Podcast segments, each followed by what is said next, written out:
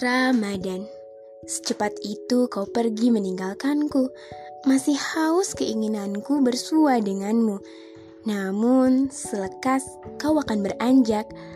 Ramadan, bawalah seluruh dosaku bersamamu. Mintalah ampunan pada Allah dan mintakan pada Allah agar aku lulus dari pesantrenmu. Ramadan, tetaplah mengendap dalam darahku saat kenikmatan saum, tilawah, dan zikir itu abadi di setiap waktuku. Ramadan, berilah kabar gembira bagi mereka yang sudah terlahir kembali imannya, sudah putih suci lebar amalnya, dan sudah menggunung pahala kebaikannya. Ramadan, berjumpa denganmu akan selalu kurindu. Tetaplah setia menjumpaiku di sisa usiaku. Ramadan, kuhantarkan kau pulang menuju robmu dengan lantunan takbir yang menyayat hatiku dalam bisu. Allahu Akbar, Allahu Akbar, La ilaha illallah, Allahu Akbar, walillahil hamd. Ramadan, terima kasih atas kesempatan ini. Kau memberiku banyak hikmah untuk mengendalikan hawa nafsu hingga memaknai bahagia hakiki. Karena kebahagiaan hakiki adalah saat kita menundukkan ego dan hawa nafsu kita untuk kembali pulang pada fitrah suci, berpedoman Al-Quran dan Sunnah, dan berkumpul bersama orang-orang yang soleh. Taqabbalallahu minna wa minkum, wasiyamana wasiyamakum, kullu amin wa antum bi khair.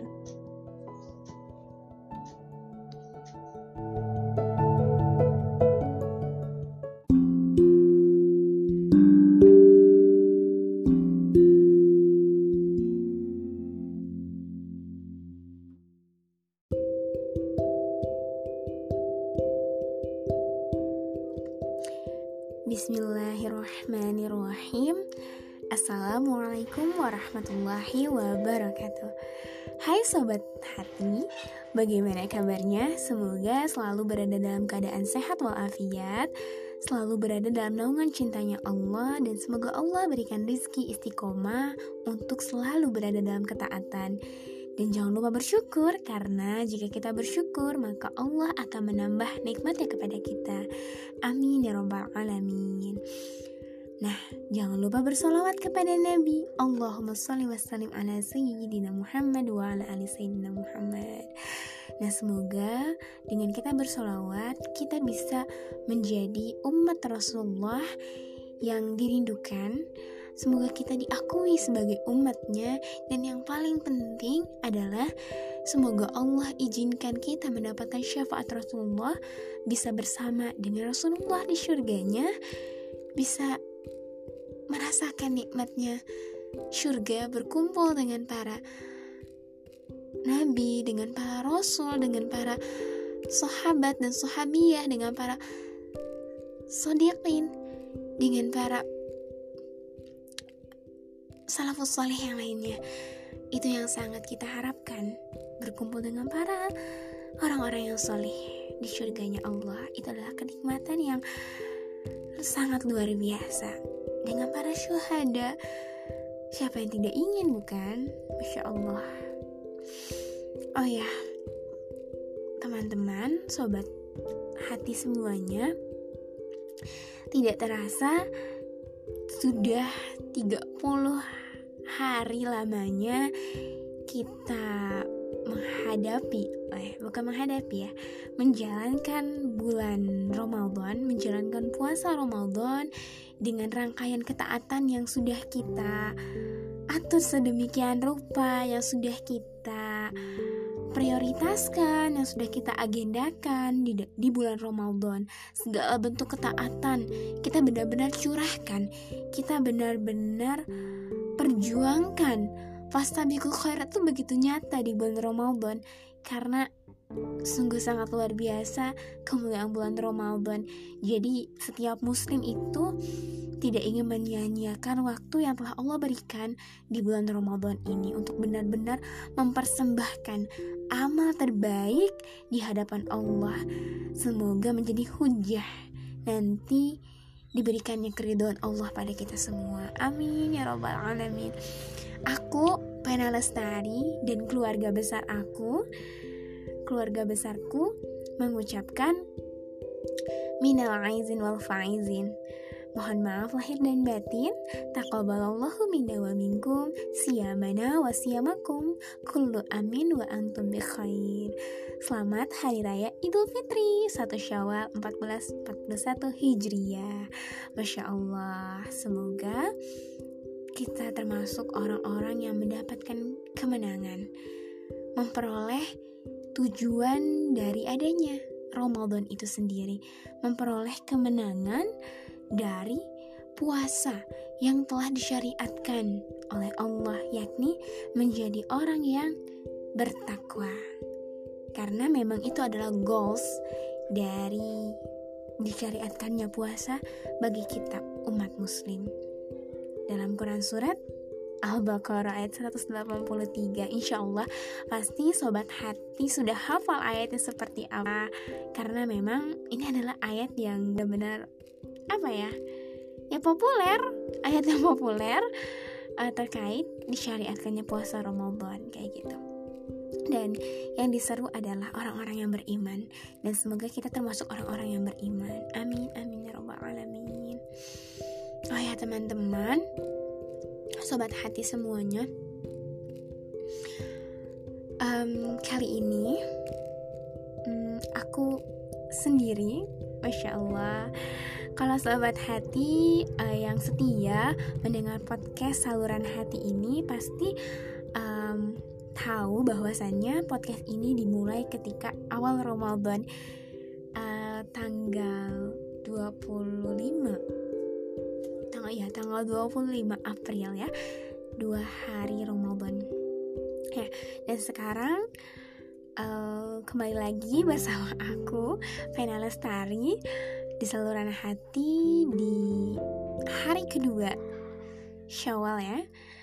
Uh, hari kedua dalam bulan Syawal yaitu uh, masih ada aroma-aroma lebaran aroma-aroma hari raya Idul Fitri aroma-aroma kemenangan, aroma-aroma kebahagiaan yang terpancar dari para kaum muslim dan muslimat di seluruh dunia. Masya Allah. Tapi uh, sangat menyesak menyesakan dada ketika melihat berita terkait kondisi saudari atau saudara kita yang ada di Palestina, di Gaza, ketika melangsungkan hari raya, bukan kebahagiaan yang mereka dapatkan, melainkan kepedihan karena laknat Allah Zionis Israel yang membabi buta menyerang mereka tanpa dosa. Astagfirullahaladzim ya Allah. Semoga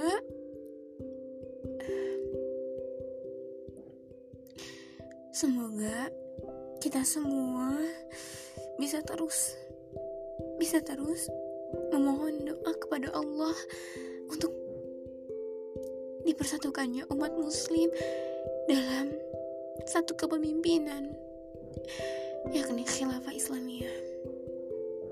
Agar kesengsaraan di muka bumi ini. Bagi umat muslim tidak ada lagi. Dan rahmat bagi seluruh alam bisa kita rasakan.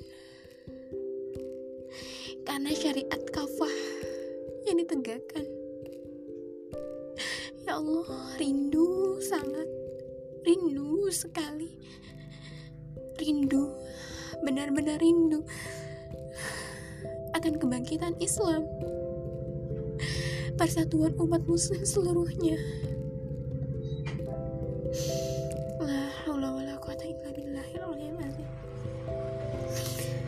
Aku berharap di bulan Ramadan ini maksudnya adalah setelah bulan Ramadan ini berakhir ketaatan kita tidak berakhir ketaatan kita terus memancar dalam diri kita pribadi dalam setiap individu muslim terpancar ketakwaan dan dalam masyarakatnya terpancar ketakwaannya hingga negara ini terpancar ketakwaannya, terpancar ketaatannya kepada Allah. Terlaksanakannya hukum-hukum syariat Allah secara kafah. Masya Allah. Hari ini sebenarnya aku nggak mau bahas apa-apa, hanya aku ingin menyampaikan kepada kita semua khususnya aku pribadi bahwasanya kita harus benar-benar bisa mendapatkan kemenangan hakiki dari training selama 30 hari di bulan Ramadan. Masya Allah Melihat bulan Ramadan kemarin bahwasanya banyak sekali umat muslim yang benar-benar apa ya benar-benar bertakwa benar-benar taat pada Allah benar-benar mencurahkan seluruh jiwa dan raganya untuk benar-benar taat gitu. Jadi jika kita lihat um, apa ya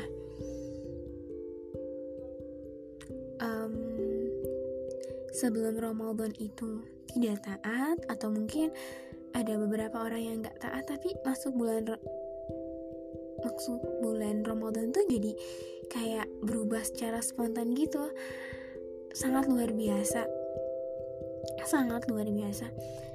Memang di bulan Ramadan itu adalah ajang fasabiqul khairat. Berlomba-lomba ketaatan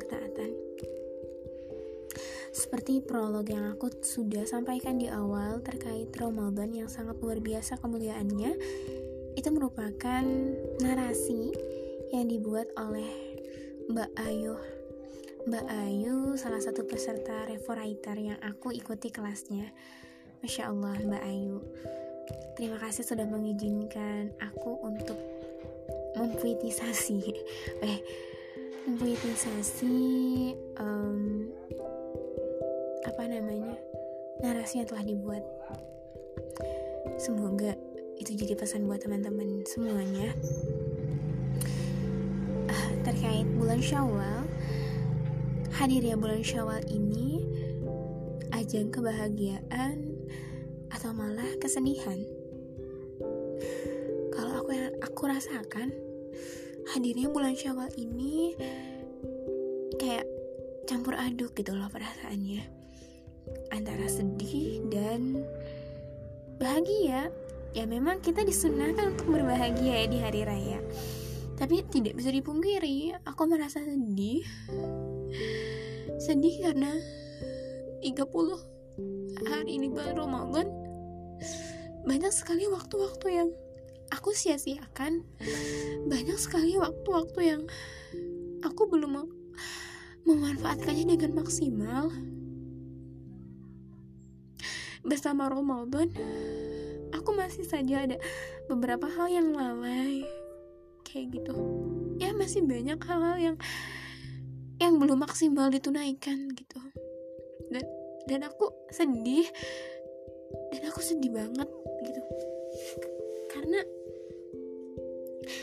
di momen kapan lagi gitu. Aku bener-bener bisa mendapatkan feel yang begitu luar biasa dekat dengan Allah seperti itu jika bukan di bulan Ramadan. Semoga ya keistiqomahan ketaatan yang telah kita lakukan di bulan Ramadan itu bisa terbawa hingga bulan Syawal dan membersamai di 11 bulan setelah Ramadan.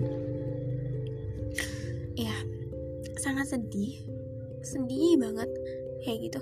Karena ternyata aku baru tahu gitu loh begitu bodohnya aku dalam Islam maksudnya begitu bodohnya aku dalam sejarah Islam begitu bodohnya aku begitu fakirnya aku dalam ilmu Islam begitu fakirnya aku ternyata aku baru tahu bulan Ramadan adalah bulan perjuangan bukan bulan rebahan. Tapi ya kita introspeksi diri, kita muhasabah diri bahwasannya waktu 30 hari yang kita habiskan di bulan Ramadan, apakah kita sudah benar-benar memaksimalkan amal kita, memaksimalkan diri kita, memaksimalkan apa yang telah Allah berikan kepada kita untuk benar-benar mendapatkan keridoannya kayak gitu. Apa jangan-jangan selama 30 hari kita malah rebahan gak karuan? Karena memang lagi puasa lagi lemes-lemesnya di tengah pandemi juga apa kita rebahan doang? Atau kita malah menyibukkan dengan sesuatu yang sebenarnya unfaedah gitu loh untuk kita lakukan. Kayak cuman lihat scroll scroll apa status-status WA teman-teman atau bahkan lihat di explore Instagram atau lihat-lihat YouTube. Ya semoga apa yang kita lakukan semuanya itu bisa menambah takofah ilmu kita ya takofah Islam kita kayak gitu. Tapi faktanya ada beberapa yang memang itu kayak melalaikan diri kita gitu loh. Padahal bulan Ramadan adalah bulan perjuangan bukan bulan rebahan. Karena Ramadan kita adalah Ramadan yang istimewa gitu walaupun dihadapi di tengah pandemi tapi nggak pernah mengurangi sedikit pun esensi dari bulan Ramadan itu yang penuh dengan kemuliaan.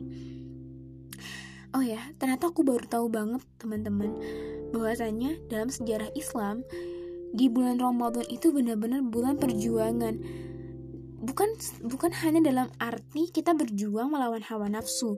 Kita berjuang untuk benar-benar taat pada Allah menjalankan puasa dari um, apa terbit fajar hingga tenggelamnya matahari gitu ya. Enggak ternyata lebih daripada itu di bulan Ramadan jika kita lihat sejarah ternyata banyak sekali apa ya kejadian-kejadian yang amazing jadi kejadian peristiwa yang sangat luar biasa kayak gitu loh. Padahal bulan Ramadan itu maksudnya umat puasa kan? Badan lemas kayak gitu kan? Gak ada stamina. Tapi beda pemaknaannya jika umat umat-umat terdahulu itu benar-benar berjuang dengan sangat luar biasa. Karena harus kita ketahui bersama bahwa di bulan Ramadan ada sedikitnya 10 peristiwa ya. Ya, sedikitnya 10 peristiwa atau lebih daripada itu ya. Ini yang aku ketahui ya, teman-teman. Jadi, pertama, di bulan Ramadan itu ada persiapan perang Khandaq. Masya Allah, ini pada tahun kelima Hijriyah. Ramadan tahun kelima Hijriyah. Masya Allah, di bulan Ramadan yang kita ya berpuasa. Tapi ada persiapan perang kondak teman-teman. Luar biasa. Semangat keimanan yang terpancar dari jiwa seorang muslim itu sangat luar biasa. Selanjutnya ada Fatul Mekah. 20 Ramadan 8 Hijriyah Masya Allah. Penaklukan Mekah teman-teman. Ini ini sangat luar biasa ya teman-teman. Jadi memang benar gitu loh. Bulan Ramadan itu bukan bulan rebahan tapi bulan perjuangan. Kayak gitu. Jadi benar-benar menyayat hati sih. Kalau aku memuhasabahi uh, 30 hari yang telah aku habiskan selama bulan Ramadan. Selanjutnya ada perang tabuk Ramadan 9 Hijriah. Pembukaan dakwah di Yaman Ramadan 10 Hijriah Perang Kodisiyah Ramadan tahun 15 Hijriah. Perang Ain Jalut 25 Ramadan 658 Hijriah. Pembebasan Amuriyah 3 Hijriah. Pembebasan Andalusia Spanyol Ramadan 92 Hijriah. Dan pembebasan Bosnia Ramadan 791 Hijriah. Dan lain sebagainya masih banyak lagi hal-hal yang terjadi di bulan Ramadan. Sangat luar biasa teman-teman Wow. Bahkan perang Badar pun di bulan Ramadan. Luar biasa bukan? Kita tahu perang Badar 300 pasukan melawan ribuan pasukan Quraisy. Masya Allah. Atas izin Allah, Muslim itu menang. Secara logika itu bakal kalah, tapi enggak kalau misalkan perjuangan itu terpancar dari keimanan dalam dirinya. Karena yakin kemenangan itu akan didapatkan bagi mereka yang bertakwa. Kemenangan itu akan didapatkan bagi mereka yang beriman. Begitupun dengan Ramadan kita.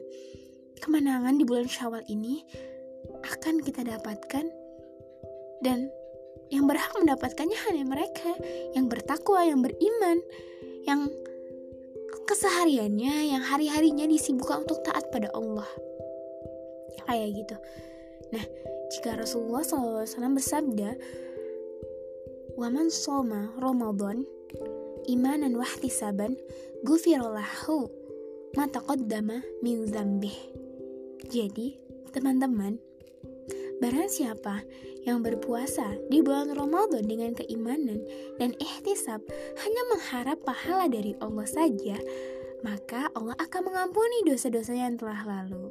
Masya Allah, luar biasa bukan? Semoga ya sekali lagi kita nggak henti-hentinya berdoa ya pada Allah karena doa adalah senjata umat muslim karena kemenangan apa pun yang kita dapatkan hari ini tidak lepas dari karunia dari Allah tidak lepas dari rahmat Allah, tidak lepas dari ridho Allah. Karena tanpa Allah kita bukan apa-apa. Tanpa Allah kita bukan siapa-siapa. So jangan sombong, jangan takabur, jangan ria. Please. Kita tanpa Allah itu bukan siapa-siapa, teman-teman. Jadi sangat luar biasa kemenangan yang harusnya kita raih setelah Ramadan ini berakhir. Kayak gitu. Tapi apa ya? Sangat disayangkan kalau kemenangan ini hanya bisa kita rasakan secara pribadi, hanya dirasakan oleh individu. Ibaratnya itu adalah kemenangan yang semu. Kalau misalkan tidak di bersamai dengan kemenangan oleh masyarakat dan kemenangan oleh negara. Dan kemenangan itu selalu membersamai ketaatan tidak ada ceritanya kemenangan itu dalam kemaksiatan. Itu adalah hal yang utopis, hal yang Mohon maaf tadi ada sedikit gangguan ya. Jadi ketika kita berpikir bahwa kemenangan itu akan diraih dalam kemaksiatan, itu adalah hal yang benar-benar utopis, hal ben hal yang benar-benar hayalan gitu. Mana mungkin orang yang bermaksud akan menang? Impossible. Karena kemenangan yang hakiki adalah keriduan Allah dan Allah selalu ridho pada ketaatan. Allah tidak ridho pada kemaksiatan. Nah, terkait kemenangan yang hari ini kita dapatkan setelah berjuang penuh di bulan Ramadan, apa ya? Aku ingin benar-benar menyalurkan perasaan dalam hati aku, kegelisahan dalam hati aku selama Ramadan ini gitu ya. Semoga ini adalah Ramadan terakhir tanpa khilafah. Tanpa khilafah Islamiyah. Semoga ini Ramadan terakhir. Karena apa ya teman-teman? Ketaatan itu kita lakukan dari tiga pilar. Dari tiga sub bagian kayak gitu. Jadi ada dalam Islam itu tidak hanya mengatur hubungan dengan manusia in, maksudnya dengan diri sendiri dengan Allah tidak. Jadi uh, Islam itu tidak mengatur perkara ibadah makhluk saja melainkan perkara yang lebih besar daripada itu Islam mengaturnya. Karena Islam itu sempurna. Islam itu rahmat bagi seluruh alam. Islam itu datangnya dari sang pencipta. Wajar jika Islam itu sangat luar biasa ya karena aturannya itu datang dari sang pencipta. Bayangin teman-teman dari sang pencipta yang menciptakan alam semesta ini yang menciptakan kita yang menciptakan ibu bapak kita yang menciptakan dunia ini yang menciptakan langit yang menciptakan matahari yang menciptakan bulan semua yang ada yang kita lihat hari ini Allah lah yang menciptakan kita jadi sangat wajar bahwasannya aturan yang datang dari Allah itu adalah aturan yang sangat luar biasa Ya karena apa pun yang ada di alam semesta ini hanyalah milik Allah dan Allah saja yang tahu mana yang terbaik dan mana yang tidak. Siapa kita? Manusia yang doaib dan fakir yang hina? Apakah kita tahu yang terbaik untuk kita? Tidak, teman-teman. tidak sobat hati kita tidak tahu yang terbaik yang terbaik untuk diri kita jika bukan Allah yang memberitahu kita. Jadi sudah sewajarnya kita melakukan hal-hal yang baik hal-hal yang terbaik itu ya berdasarkan apa yang Allah perintahkan bukan berdasarkan hawa nafsu kita. Seperti itu. Jadi aturan Allah ini sangat luar biasa ya teman-teman. Karena ada mengatur dari tiga hubungan hubungan kita dengan Allah hubungan kita dengan diri kita sendiri dan hubungan kita dengan manusia. Nah mungkin kalau hubungan kita dengan Allah teman-teman tahu ya ya seperti berpuasa selama 30 hari kemarin itu adalah hubungan dengan Allah. Sholat zakat um, apa ibadah haji itu adalah hubungan dengan Allah. Hubungan dengan diri kita sendiri ya seperti kita makan minum tidur uh, dan lain sebagainya. Mungkin ini sudah aku bahas ya teman-teman di podcast aku uh, sebelumnya. Kayak gitu. Dan hubungan kita dengan manusia ini sangat luas teman-teman. Soal pendidikan, soal ekonomi, soal sosial budaya, soal politik, dan lain sebagainya itu adalah cakupan-cakupan hubungan kita dengan manusia lainnya. Dan Islam ini mengatur kayak gitu. Dan apa ya jika kita rasakan kemenangan hari ini sebenarnya ini kemenangan yang parsial gitu ya. Kemenangan yang hanya sebagian. Hanya sebagian kemenangan yang kita rasakan yaitu masuk diri kita sendiri saja. Kita lebih dekat dengan Allah kita menjalankan apa yang Allah perintahkan bagi kita secara individu. Karena memang ada beberapa hukum Allah yang tidak bisa kita jalankan individu. Kayak gitu. Yang harusnya kita jalankan itu ya berbarengan. Harusnya jalankan itu oleh negara. Jadi umat itu butuh negara. Dan negara yang mana sih? Negara yang atakan syariat. Negara yang benar-benar menjalankan syariat secara kafah. Kayak gitu. Jadi tanpa negara ketakwaan individu ini sia-sia saja. Kayak maksudnya um, umat akan mudah apa ya mundur ke belakang gitu. Ini fenomena yang sering terjadi di setiap tahunnya. Jadi ketika bulan Ramadan sangat luar biasa taat pada Allah yang tadinya nggak pakai kerudungan pakai kerudung. Yang tadinya jarang sholat duha jadi sholat duha. Atau yang tadinya jarang baca Quran jadi baca Quran. Pokoknya apa pun yang tidak pernah dilakukan ketaatan yang pernah dilakukan oleh um, umat tiba-tiba uh, di bulan Ramadan itu kayak berubah um, apa ya 180% gitu. Eh 180 derajat. Jadi kayak wow luar biasa gitu ya solih banget.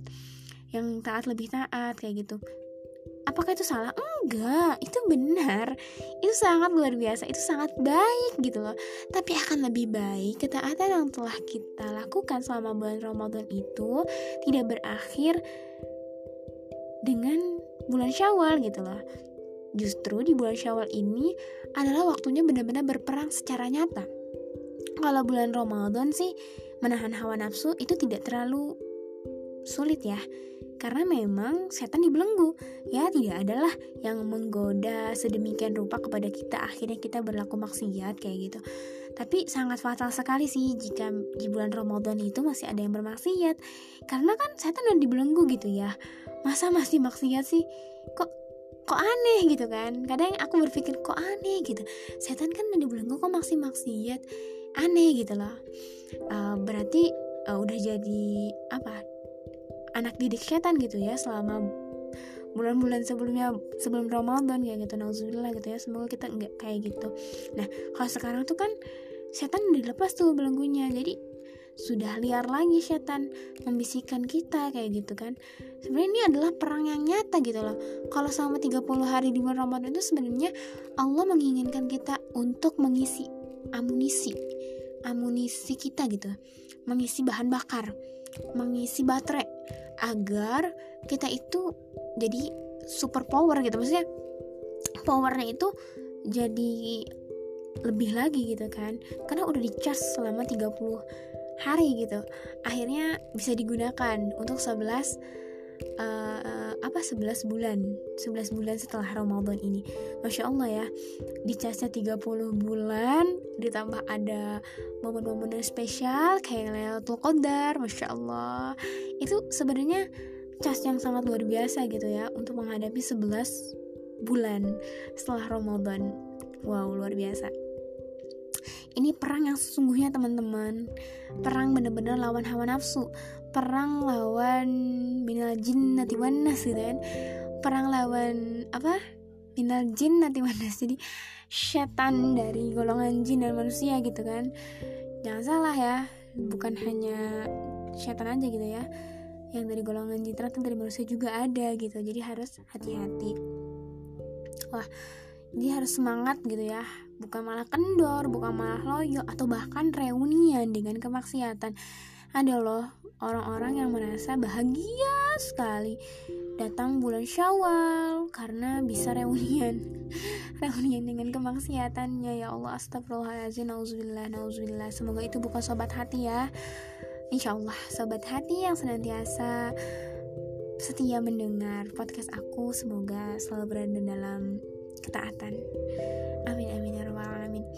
Iya jadi gak jadi kayak fenomena yang sangat ironis gitu ya melihat umat uh, setelah bu datang bulan syawal itu kayak yang bahagianya bukan kepalang gitu ya. Jadi kayak yang kayak bebas dari penjara gitu seolah-olah. Jadi kayaknya ambiar kayak gitu. Nggak semua nggak semua. Ada sebagian yang seperti itu. Dan itu berulang setiap tahunnya. Itu yang membuat kayak ya Allah miris banget sih gitu padahal belum tentu gitu kan di tahun selanjutnya bakal dapat bulan Ramadan kayak gitu. Kenapa uh, dengan mudahnya melupakan training yang selama ini pernah dilakukan selama bulan Ramadan seolah-olah itu kayak nggak berarti gitu. Seolah-olah itu hanya kayak penambal amal yang kurang aja di bulan Ramadan itu. Jadi nggak ada hubungannya antara Ramadan setelah Ramadan kayak gitu. Astagfirullah gitu ya. Kenapa sih umat bisa kayak kayak bisa bisa berubah total lagi gitu kan. Ibaratnya kayak hanya topeng aja gitu kan. Kenapa sih kayak gitu?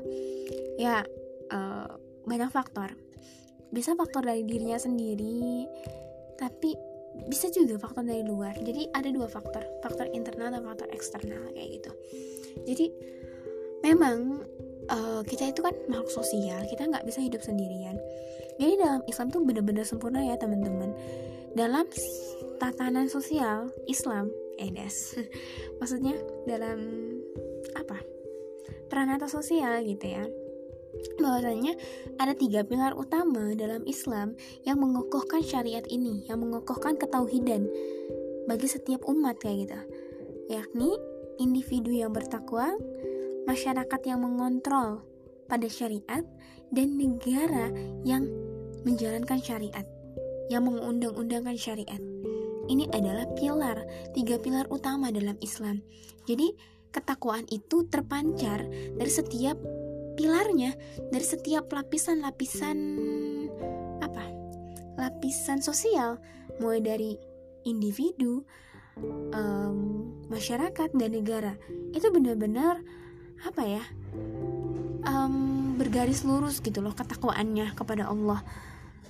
Beras karena dalam Islam, masyarakat itu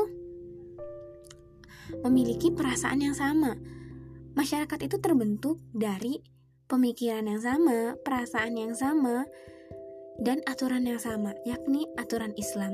Jadi, masyarakat dalam Islam adalah masyarakat yang terbentuk dari akidah yang sama, yakni akidah Islam, yang terbentuk dari apa perasaan yang sama, syur Islam yang sama kayak gitu.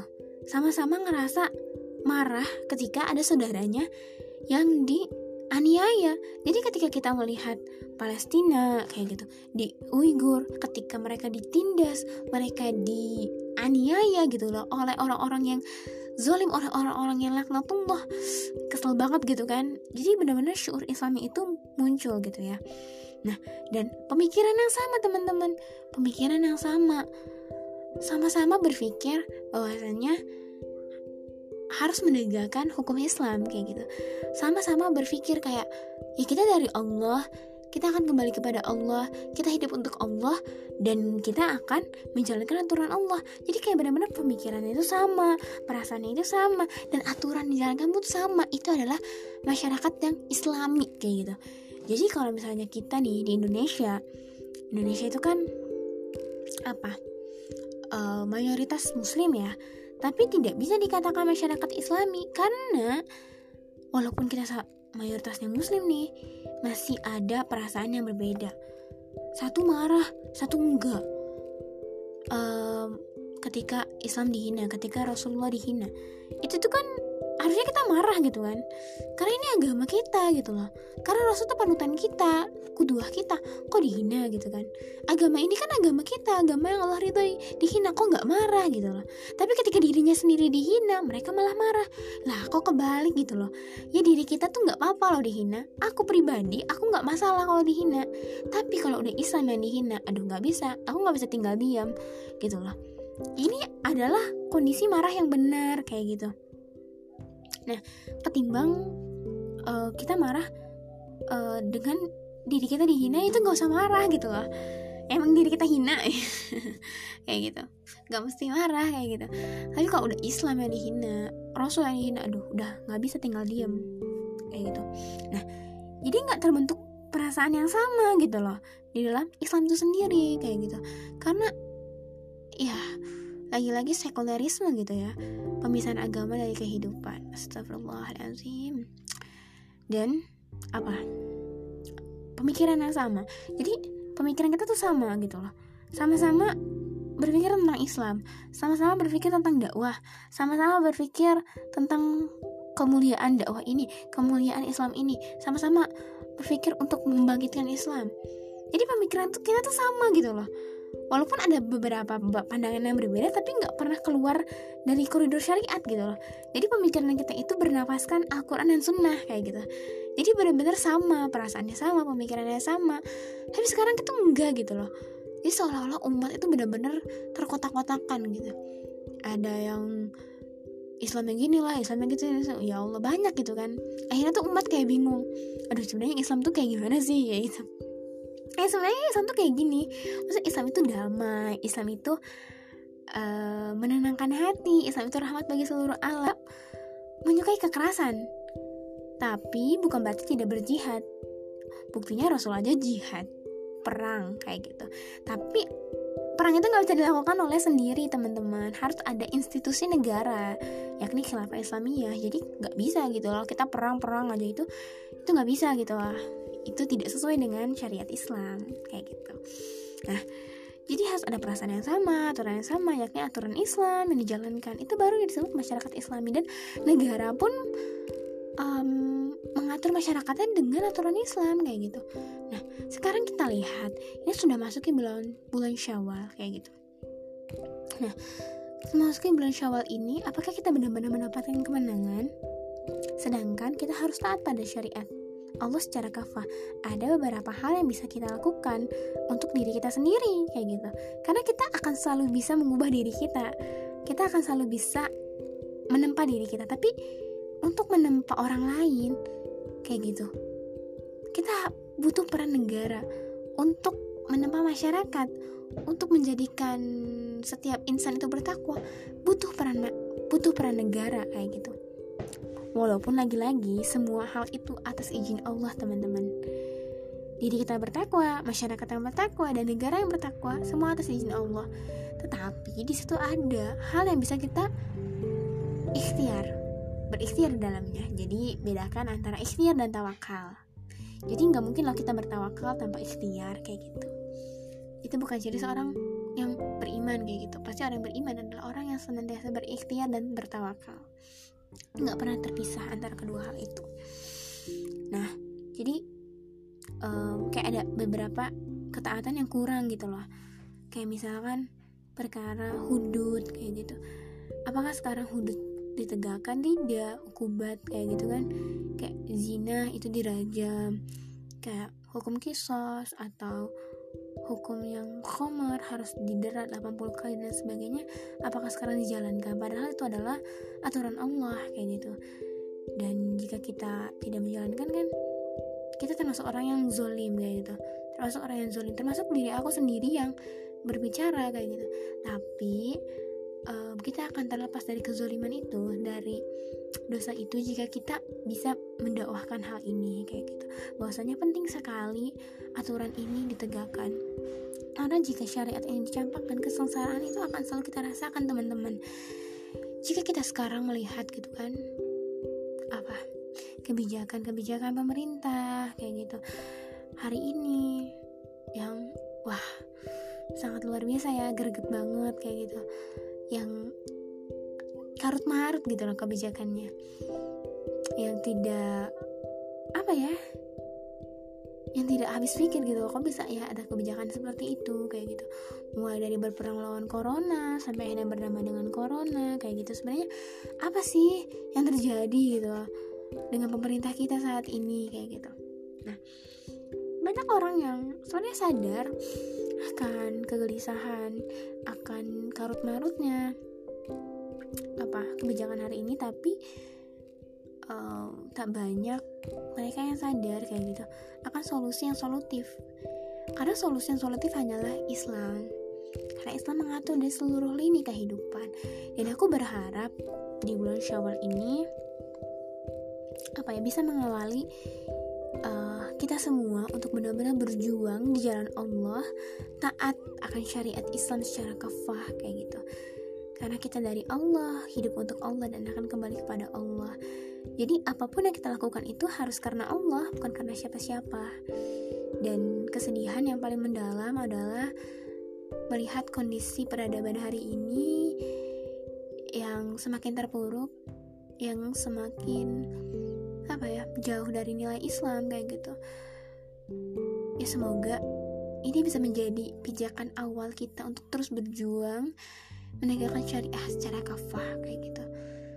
Karena apalah arti ketakwaan individu jika tidak ditunjang oleh ketakwaan negara itu akan menjadi hal yang semu kayak gitu karena lihat fenomena saat ini orang yang ketika Ramadan sangat begitu luar biasa menjalani ketaatan, rangkaian ketaatan kayak gitu kan yang tadi sudah aku sampaikan.